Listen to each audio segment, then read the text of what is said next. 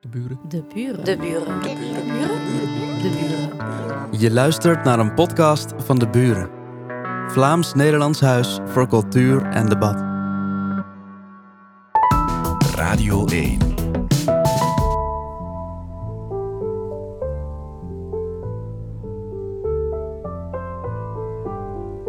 Terwijl ik 's ochtends mijn koffie opslurp en door Instagram scroll, stuitte ik op een bericht van Diet Prada.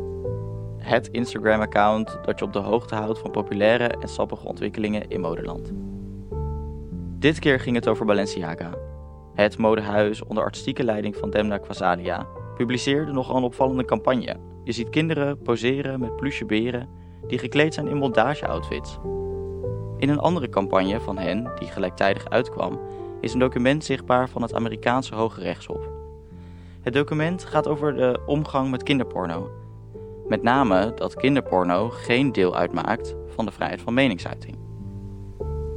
De twee campagnes worden geheel terecht aan elkaar gekoppeld.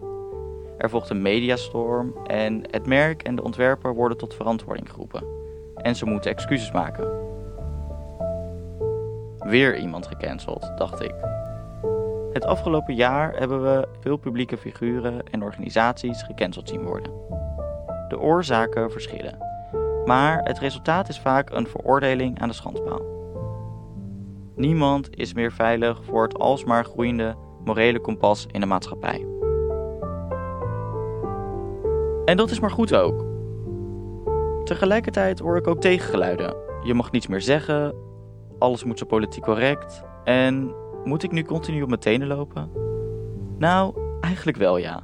Juist nu we van crisis naar crisis leven, hoop ik op wat meer deugdzaamheid. Het lijkt me helemaal niet verkeerd dat mensen moeten opletten op wat ze zeggen. Of zoals bij Balenciaga, wat ze tonen.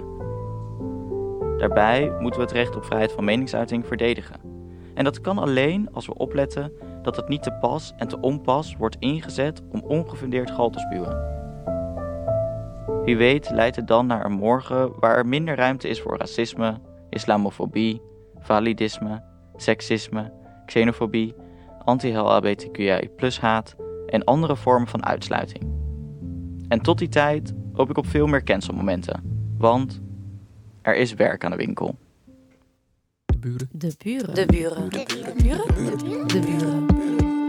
Je luisterde naar een podcast van De Buren. Vlaams-Nederlands Huis voor Cultuur en Debat.